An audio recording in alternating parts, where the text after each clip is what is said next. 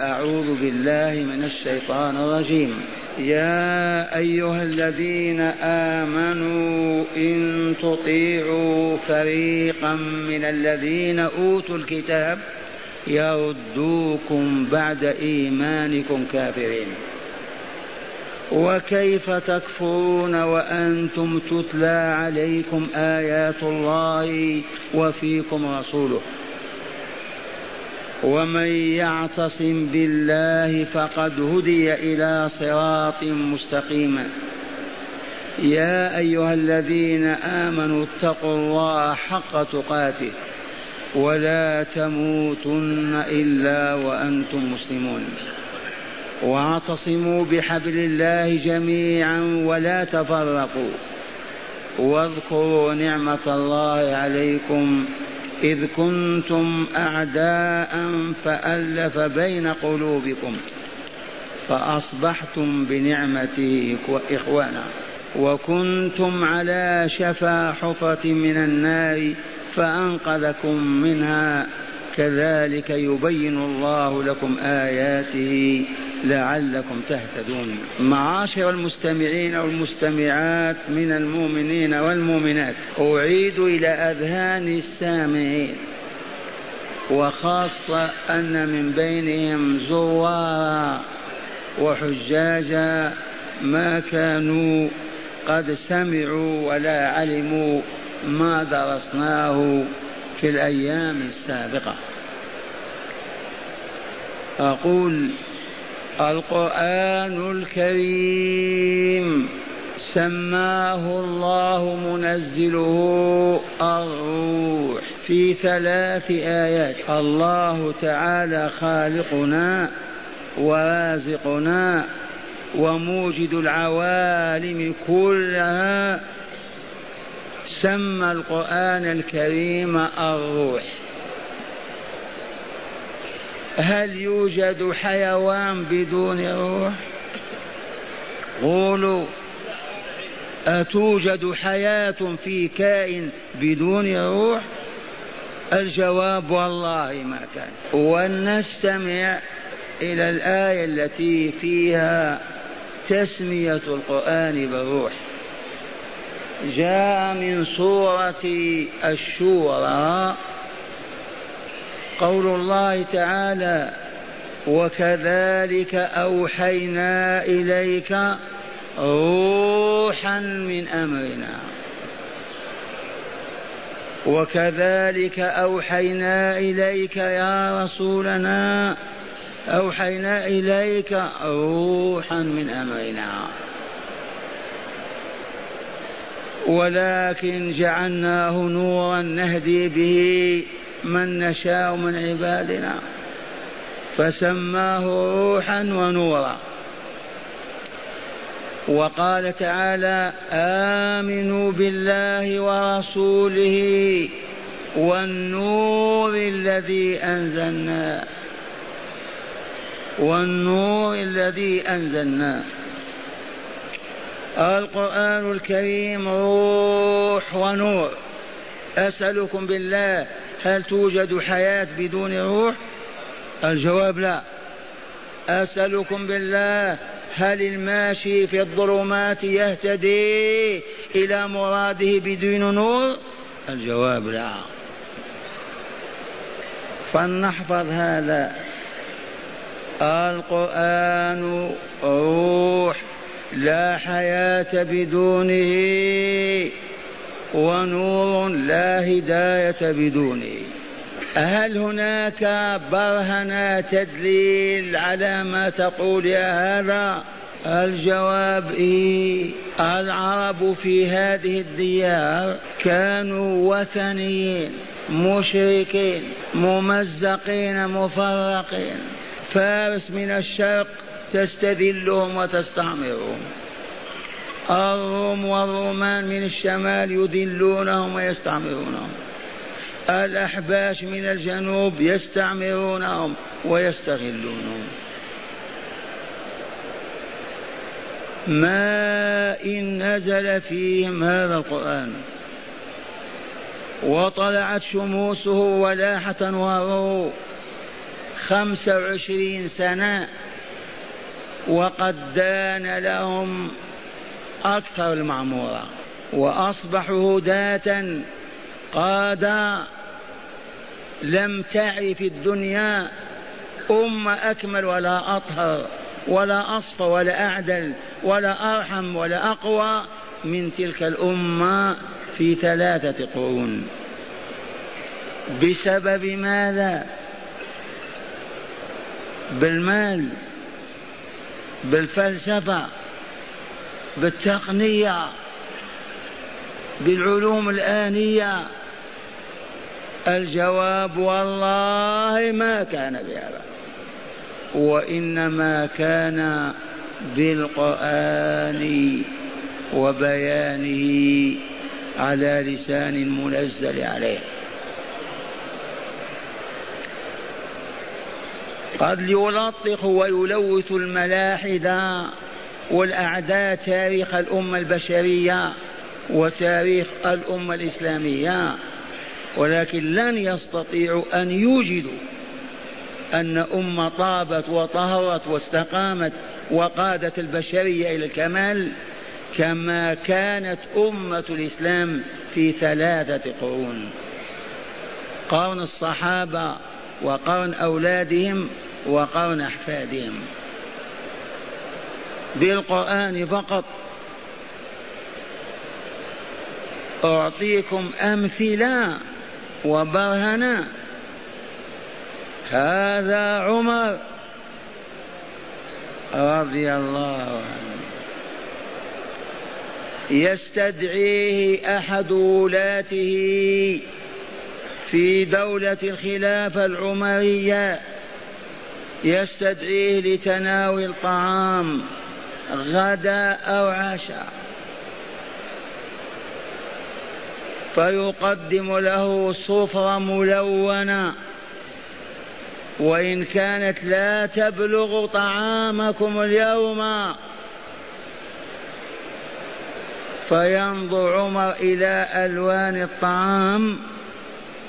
ثم ينتفض كالأسد ويقوم. ما لك يا خليفة رسول الله؟ تعشى أو تغدى؟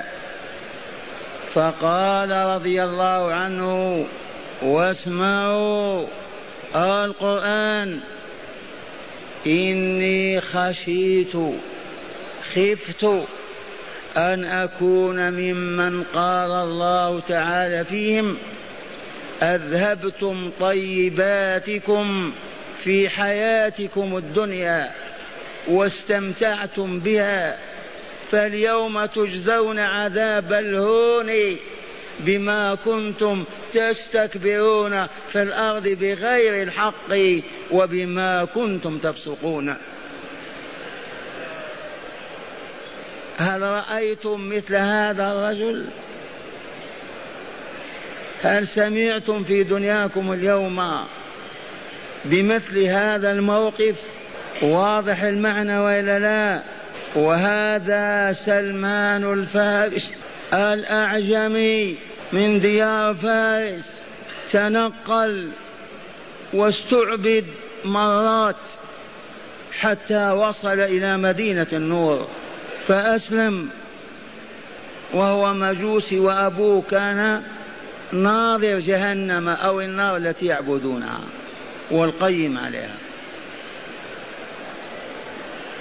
وقال فيه الحبيب صلى الله عليه وسلم سلمان منا آل البيت.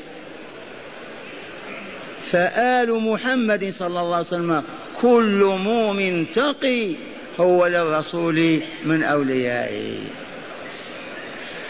فاسق فاج كافر وعدو وليس من أولياء محمد وإن كان ابن أخيه أو ابن عمه سلمان ولاه عمر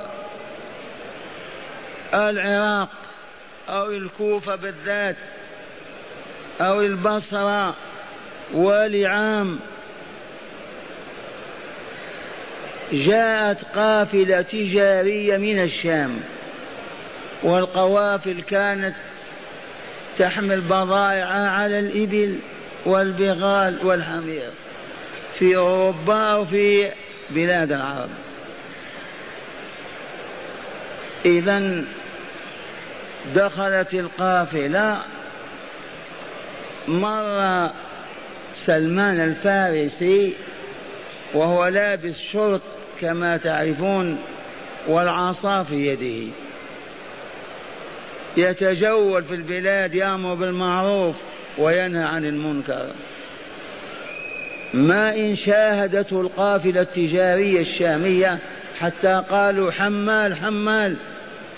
مرحبا احمل معنا بضائعنا إلى الفندق. ظنوه صعلوك فأخذ حقيبة من وراء وحقيبة من أمام وأخرى على صدره على رأسه ومشى وراءهم إلى الفندق.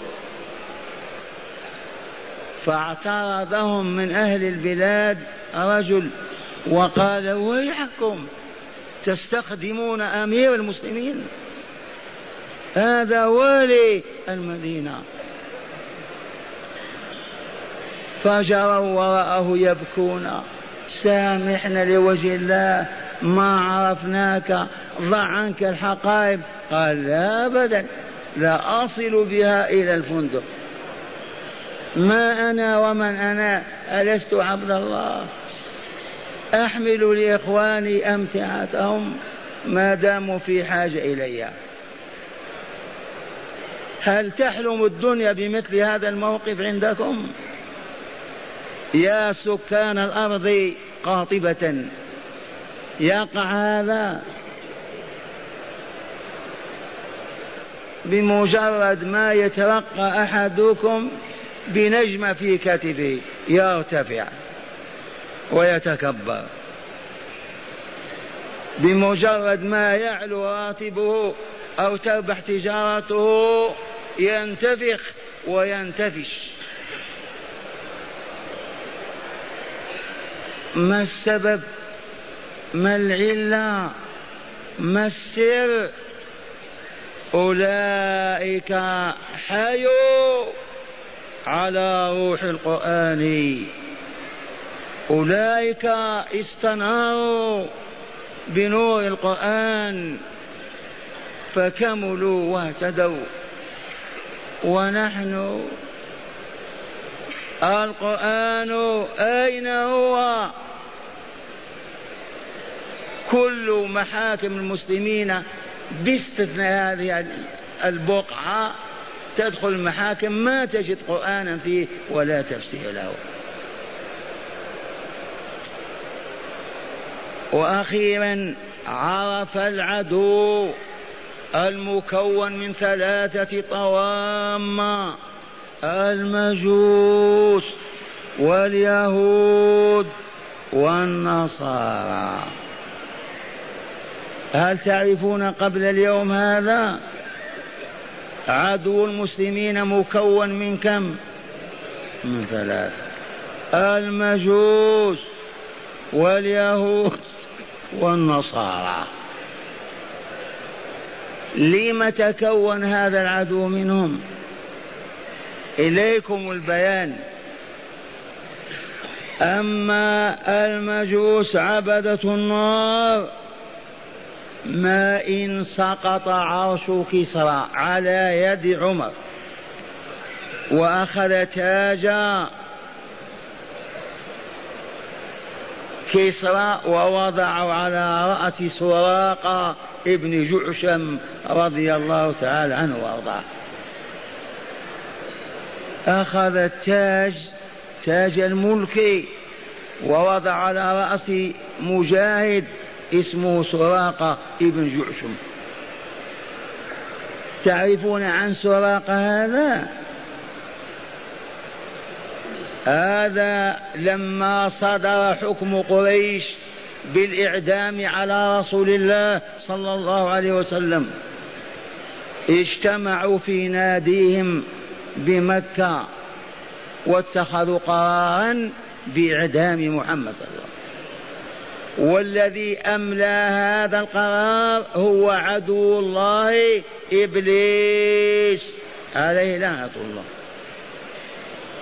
إذ دخل عليهم في دار الندوة وهم مجتمعون. هذا يقول نسجنه إلى الأبد. هذا يقول ننفيه من البلاد بالمرة. فجاء إبليس قال تأخذون برأيي وجاء في صورة رجال نجد معروفون بالحكمة والسياسة. تأخذون برأيي؟ قالوا نعم يا شيخ. قال سجنه لا تستطيعون أن تضمنوه في السجن. يأتي رجال ويطلق سراحه وخبتم نفيه يكون عصابات في الخارج ويغزوكم. ما هذا برأي الرأي أن توزعوا دمه على قبائل قريش. اختاروا أربعين شابا كل شاب يمثل قبيلة أو فخذ أو بطن ويضربونه ضربة واحدة. يموت ويتوزع دمه بين القبائل. ماذا يصنع بنو هاشم؟ يحاربون العرب كلهم يقبلون الدية ويسكتون. قالوا هذا الرأي أصبت وصدر الحكم بإعدامه. ومكث في غار حراء أو في غار ثور مع الصديق ثلاث ليالي. هاربين وقريش تطلبهم تقلب الحجارة. وأعماها الله عز وجل. وامرأة وكأنكم بأبي بكر يقول يا رسول الله لو رفع أحدهم قدمه لرآنا. وحزن أبو بكر وخاف. فقال ما بالك يا أبا بكر باثنين الله ثالثهما. ما بالك باثنين الله ثالثهما. وجاء هذا بعدما نزلت سورة التوبة بالمدينة بعد كذا سنة إلا تنصروه فقد نصره الله. إذ أخرجه الذين كفروا ثاني اثنين إذ هما في الغار إذ يقول لصاحبه لا تحزن إن الله معنا. وخرج والخريت أمامهما الجغرافي يدلهم على الطريق الذي ما في مخاوف.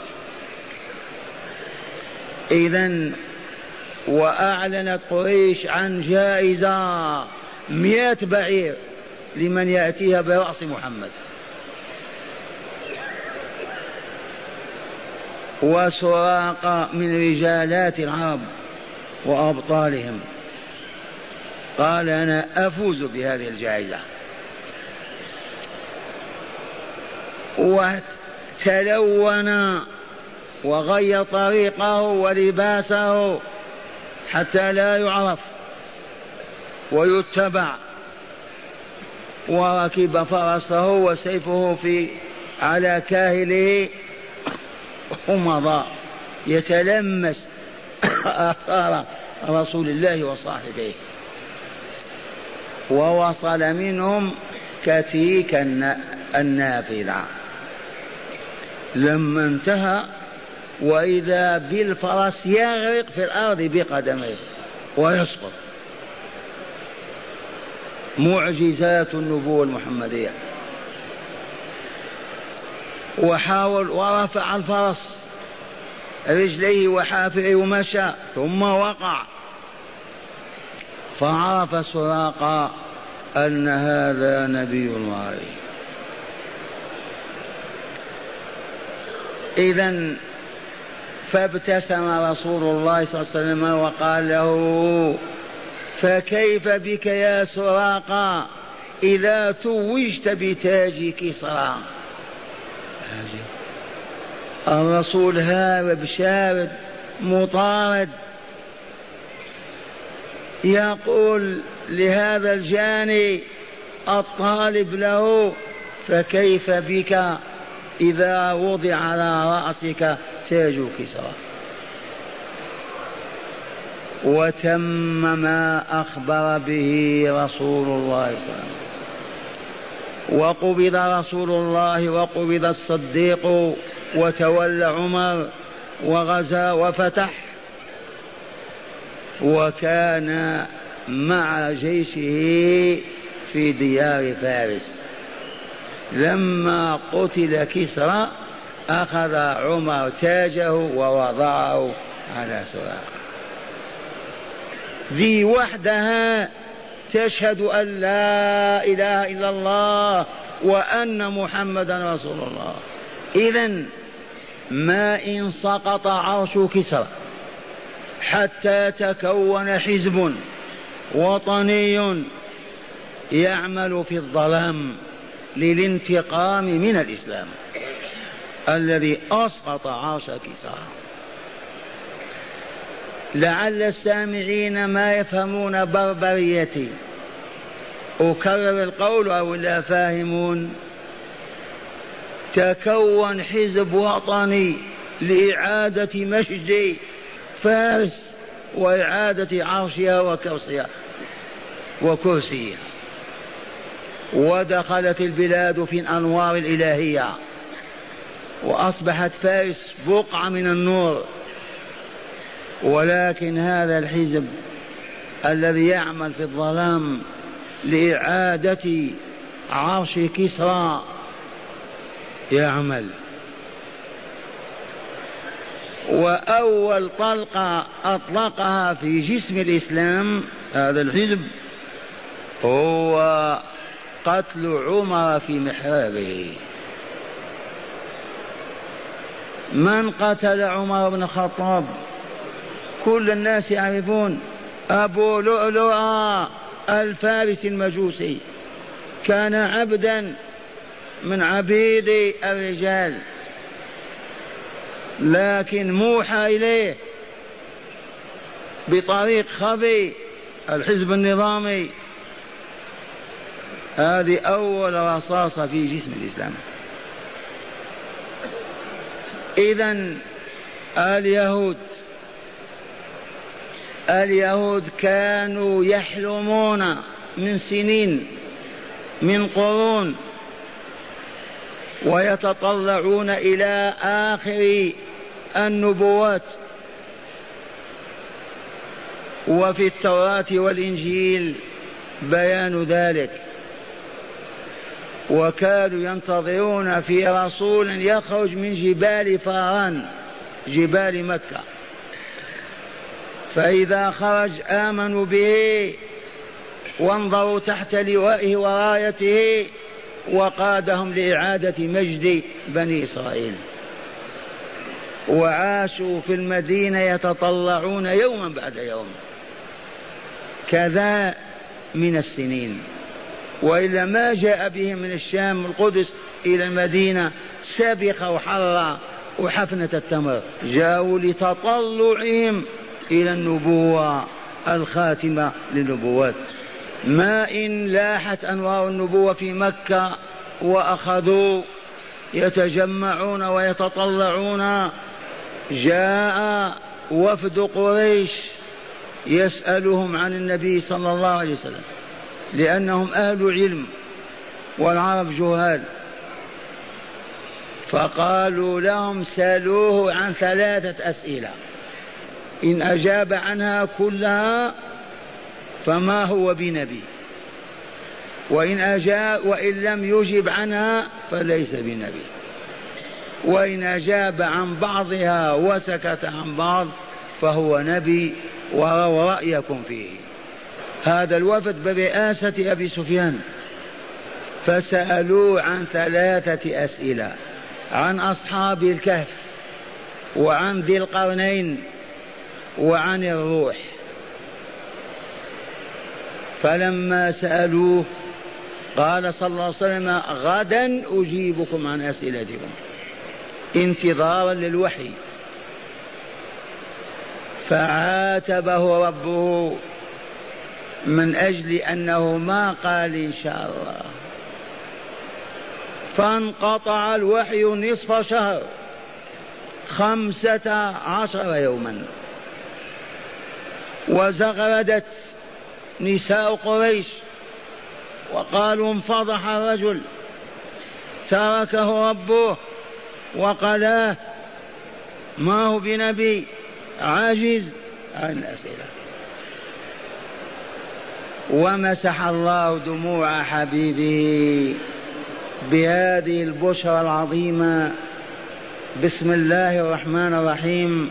والضحى والليل إذا سجى.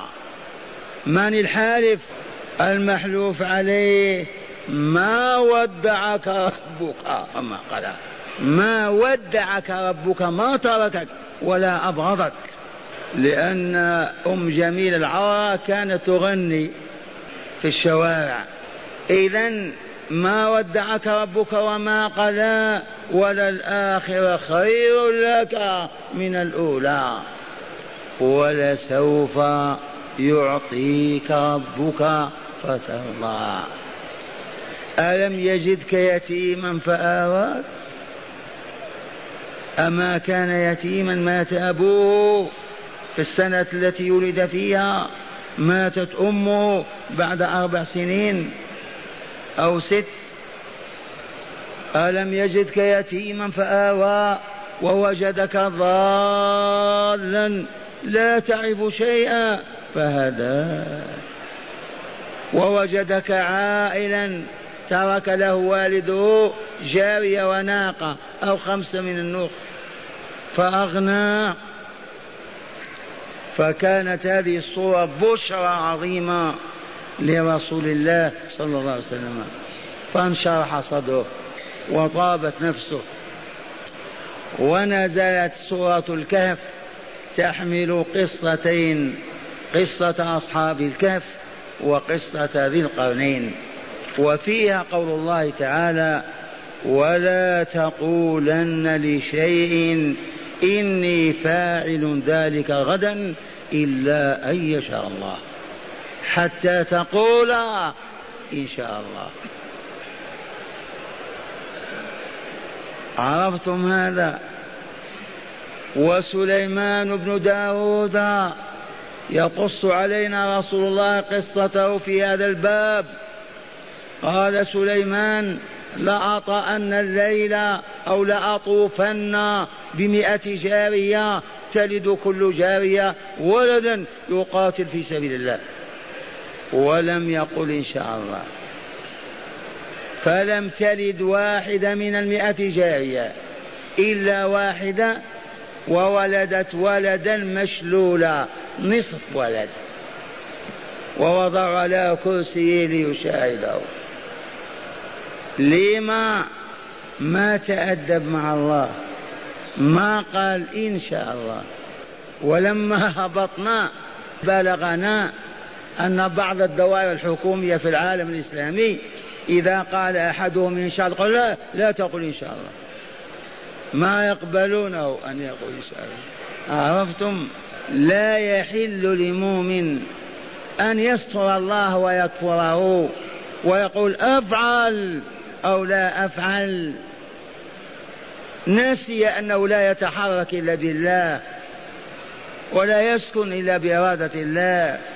فلهذا إذا لم يقل إن شاء الله وحنت تلطخت روحه بالنتن والعفونة ولا تغسل لا بماء ولا صابون ولا بعملية جراحية ولا بصيام ولا ولا لا تغسل إلا بالمادة التي وضعها الله لذلك. وهي كسوة عشر مساكين غمامة وثوب أو إطعامهم أو عتق رقبة أو صيام ثلاثة أيام. هذه المواد التي تزيل ذلك الأثر الناتج عن كون يقول أفعل ولم يقل إن شاء الله. نسب القدرة إليه. تذكرون هذا وإلا لا؟ يا عبد الله إذا قلت أسافر غدا قل إن شاء الله. إذا قلت سنلتقي غدا عند فلان قل إن شاء الله. إذا قلت أقوم أتوضأ قل إن شاء الله. فقط الذي مضى لا تقل فيه إن شاء الله فإن الله شاءه. صليتم المغرب لا تقول إن شاء الله. قد شاء الله وصلينا. لكن سنصلي العشاء إن شاء الله. لو لم يشاء والله ما صلينا. تخسف بنا الأرض. الماضي لا معنى لكلمة إن شاء الله. فقد شاء ووقع. لكن المستقبل احفظ هذه الكلمة إن شاء الله. ومن قال لك لا تقل إن شاء الله قل إن شاء الله رغم أنفك إذا اليهود ما إن طلعت الشمس وانتشر نورها وكانت هزيمة المشركين في بدر في السنة الثانية حتى كشروا عن أنيابهم وعرفوا أن الريح ليست لهم. وأن هذه النبوة لا تخدمهم. فإنهم دخلوا في الإسلام ذابوا. انتهى وجودهم كيهود وبني إسرائيل وأصبحوا من عامة البشر مسلمين. فقالوا إذا لن نسلم ولن ندخل في هذا الدين. وبحثوا عمن يتعاونون على ضرب الإسلام ومحوه فوجدوا من؟ المجوس. الحزب الوطني الذي يعمل في الخفاء. فتعانقوا. وإلى الآن متعاونون. وعملوا ما عملوا في المدينة وأجلوا منها. ولما انتشر نور الإسلام في شمال إفريقيا ودخل من الغرب إلى أوروبا ومن الشرق صاحت النصارى وقالوا يا ويلنا هذا النور سيغمرنا وبحثوا عمن يتعاونون. فوجدوا اليهود والمجوس فتعانقوا وكونوا الثالوث الأسود. وإلى الآن متعاونون. لطيفة سياسية. أيام كان الشاه شاه إيران يحكم البلاد. قرأت بلساني ونظرت بعيني مجلة في الدار البيضاء. فيها أن الشاه يقيم ذكرى لدولة الساسانية التي مضى عليها ألفان وخمسمائة عام. فكروا يا عقلاء حاكم مسلم يحكم مملكة إسلامية يحتفل بذكرى دولة مجوسية. مضى عليها ألفان وخمسمائة عام. ماذا تقولون؟ قولوا ما نعرف. لو أن العرب احتفلوا بموت أبي جهل أو عقبة بن أبي معايط أو بقتلى بدر من المشركين. يقال فيهم مسلمون؟ أه؟ مستحيل. يحيون ذكرى الجاهلية والذين يحيون ذكر المجوسية. ماذا تقولون فيهم؟ تشكون يعني؟ كفر هذا. ووراء ذلك لا بد من إعادة مجد الساسانيين. وعرش كسرى فكم الآن أصبح الثالوث متكون ممن؟ المجوس اليهود النصارى. وإلى اليوم التعاون ماشي. وأخذوا يعملون متعاونين في الظلام. فخاضوا حروبا مع الإسلام وأهله واندحروا وانهزموا في مواطن كثيرة وكادوا ييأسون. فاجتمعوا وبحثوا عن سر هذه القوة التي لا تقهر. وهذا السلطان الذي لا يسقط. بحثوا. فعثروا على الحقيقة. قالوا سر هذا هو القرآن الكريم. القرآن والسنة.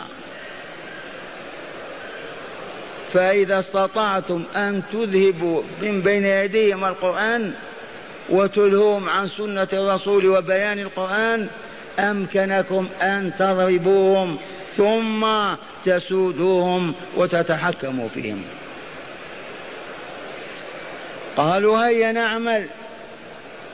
حاولوا أن يسقطوا حرفين فقط كلمة قل.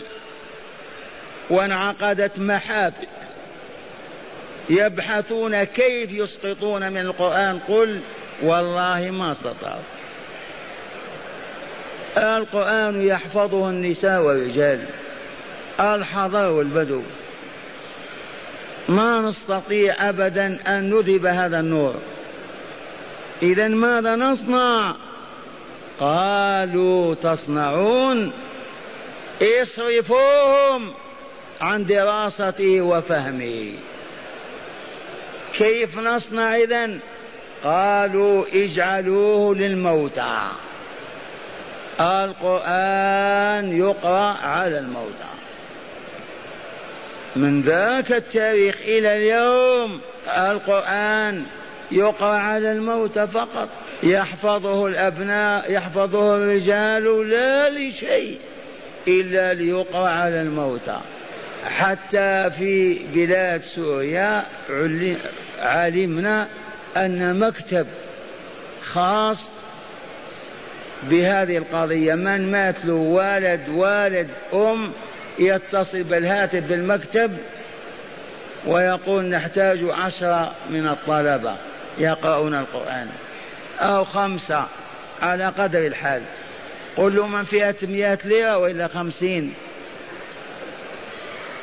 إذا كان الميت غني من فئة مئة. وإذا فقير خمسين ليرة. وأصبح القرآن من أندونيسيا إلى موريتانيا. لا يقرأ إلا على الموتى. أكثر من ألف سنة تقريبا. لا يقرأ إلا على الموتى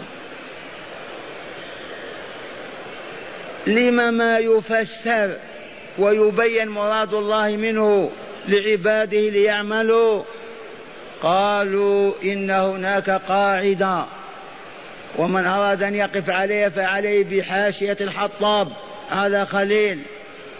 ماذا فيها؟ قالوا تفسير القرآن صوابه خطأ. إذا فسرت وأصبت أنت مخطئ وخطأه كفر. فإذا فسرت وأصبت أنت آثم وإذا أخطأت أنت كافر.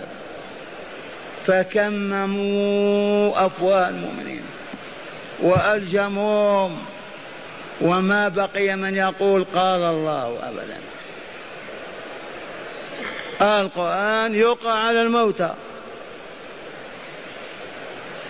عرفتم هذا وإلا لا؟ أدلل لكم بما أنتم عليه. من منكم أيها الزوار يقف ويقول نحن إذا كنا جالسين تحت ظل شجرة أو جدار في الصيف أو كنا في مجلس نقول لأحدنا أسمعنا شيئا من كلام الله. ما كان هاتوا. أو تجلس في ساوية المسجد ويمر بك من يحفظ القرآن تقول يا شيخ يا سيدي من فضلك اقرأ علي شيء من القرآن. هل حصل هذا أبدا؟ إذا فارقنا القرآن فارقتنا الروح فمتنا. ومن قال كيف تقول متنا؟ أما سادتكم بريطانيا وحكمتكم فرنسا وإيطاليا.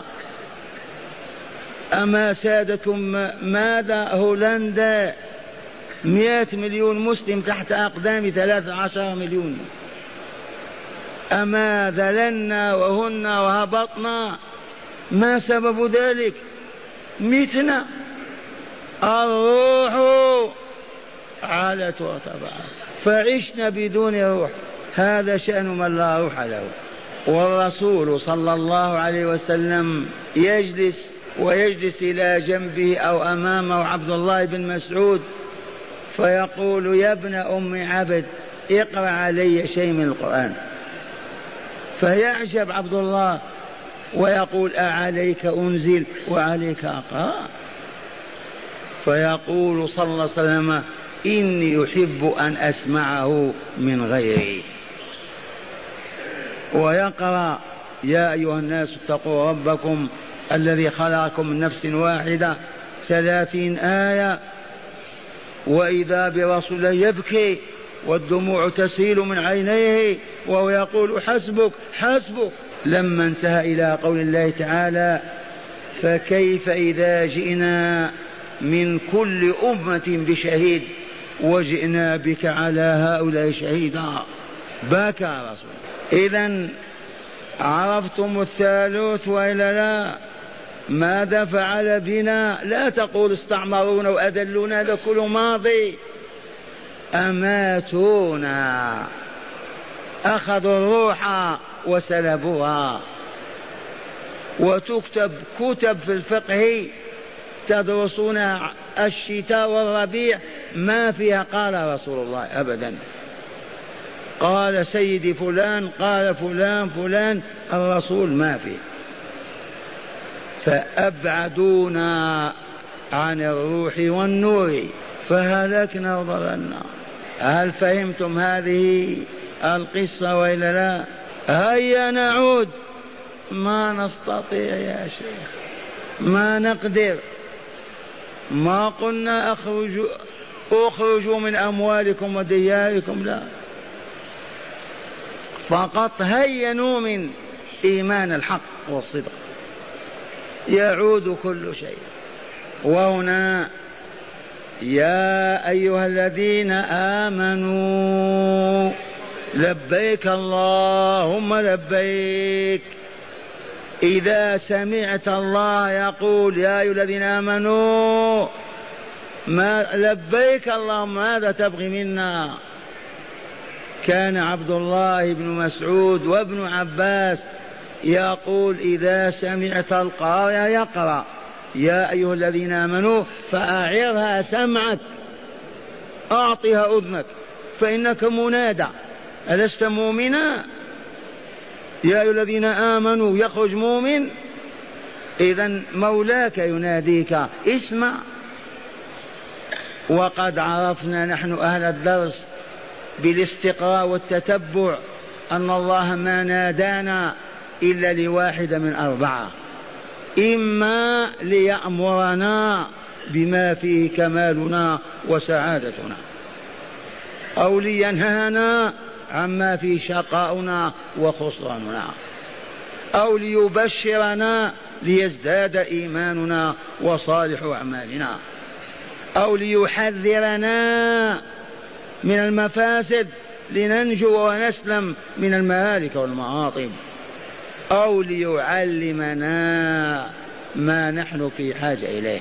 وقد جمعت نداءاته تعالى تسعون نداء. وهي عند المؤمنين ولا اجتمعوا عليها ولا قرأوها ولا درسوها. ما زلنا هابطين. من يقول نحن في القرية الفلانية نجتمع كل ليلة على نداء نحفظه ونفهم مراد الله منه ونعزم على العمل وعلى الترك. ولا أحد عشرات الآلاف وزعت. لما ما دقت ساعة الحياة ما زلنا هابطين. يا أيها الذين آمنوا اسمعوا. إن تطيعوا فريقا من الذين أوتوا الكتاب يردوكم بعد إيمانكم كافرين. هذا خبر من؟ ممكن ما هو صحيح؟ مستحيل. إن تطيعوا فريقا خاص من المستشارين والساسة والمدرسين والمعلمين تطيعوهم يردوكم بعد إيمانكم كافرين والهبوط الذي أصاب أمتنا لأن جل الوزراء والمسؤولين والحاكمين تخرجوا من مدارس اليهود والنصارى. الشهادات السياسية و من عندهم.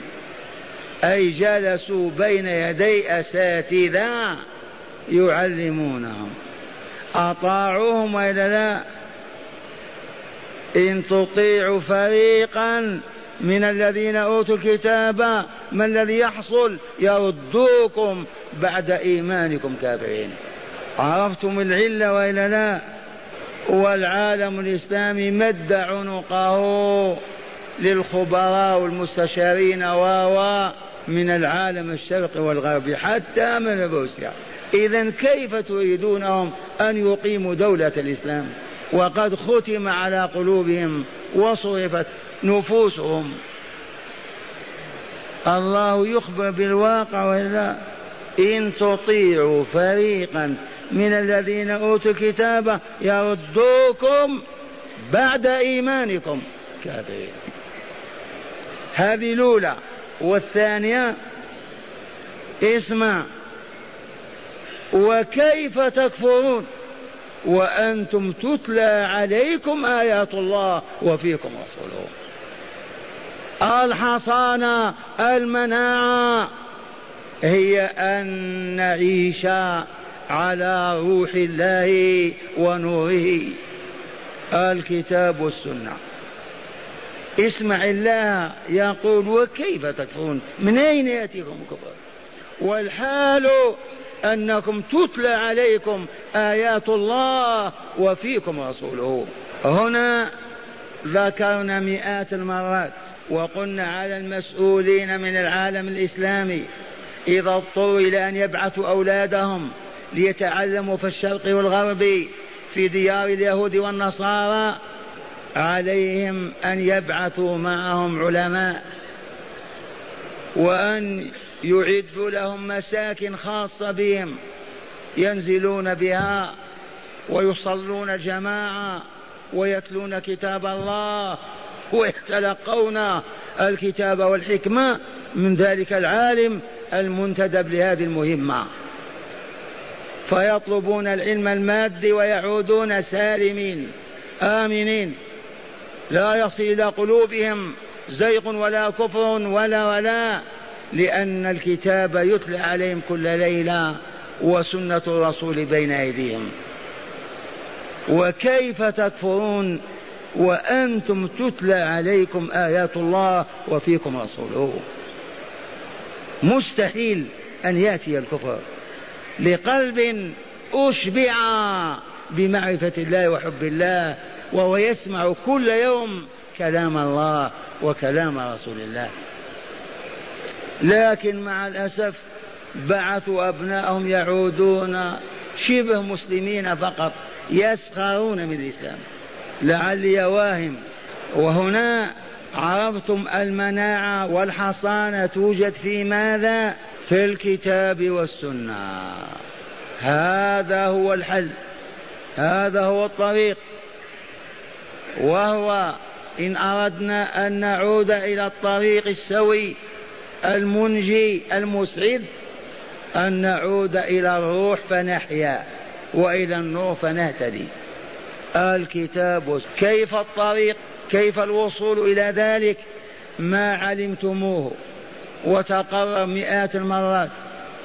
أهل كل قرية من قرى العالم الإسلامي عرب أو عجم عليهم أن يوجدوا عالما بالكتاب والسنة وأن يلتزموا في صدق. إذا دقت الساعة السادسة مساء وقف دولاب العمل. لا مصنع يشتغل ولا متجر ولا مزرعة ولا ولا. وياتي أهل القرية بنسائهم وأطفالهم. يصلون المغرب كما صلينا ويجلسون كما جلسنا. وآية من كتاب الله يتغنون بها حتى يحفظوها. ثم تشرح لهم وتفسر يبين لهم مراد الله منها فإن كان عقيدة عقدوها في قلوبهم لن تنحل إلى يوم القيامة. وإذا كان أدبا تأدبوا به من تلك اللحظة. وإذا كان خلقا تخلقوا. وإذا كان واجب عزموا على القيام به. وإذا كان ممنوعا محرما عزموا على تركه. وغدا حديثا من أحاديث رسول الله. يحفظون يفسر لهم توضع أيديهم على المطلوب وكلهم عزم نساء رجال أطفال أغنياء فقراء أشراف ضاعة كلهم جماعة واحدة في قريتهم. ليلة آية وليلة حديثة مع هذا العلم وهذا التصميم والله ما تمضي سنة فقط. وتلك القرية كأنهم ملائكة. لا غش لا كذب لا خداع لا زنا لا ربا لا فجور لا لا إسراف لا ظلم. لا يجوع بينهم جائع ولا يعرى عاري ولا يضام مؤمن لأنهم أسرة واحدة. يتحقق هذا وإلا لا؟ والله لا يتحقق أن هذا حسب سنة الله عز وجل. أليس الطعام يشبع والماء يروي النار تحريق؟ والكتاب والحكمة يرفعان الإنسان إلى منارات الكمال ومن شك قلنا لهم يا أهل القرية من أتقاكم من أحسنكم أعلمهم.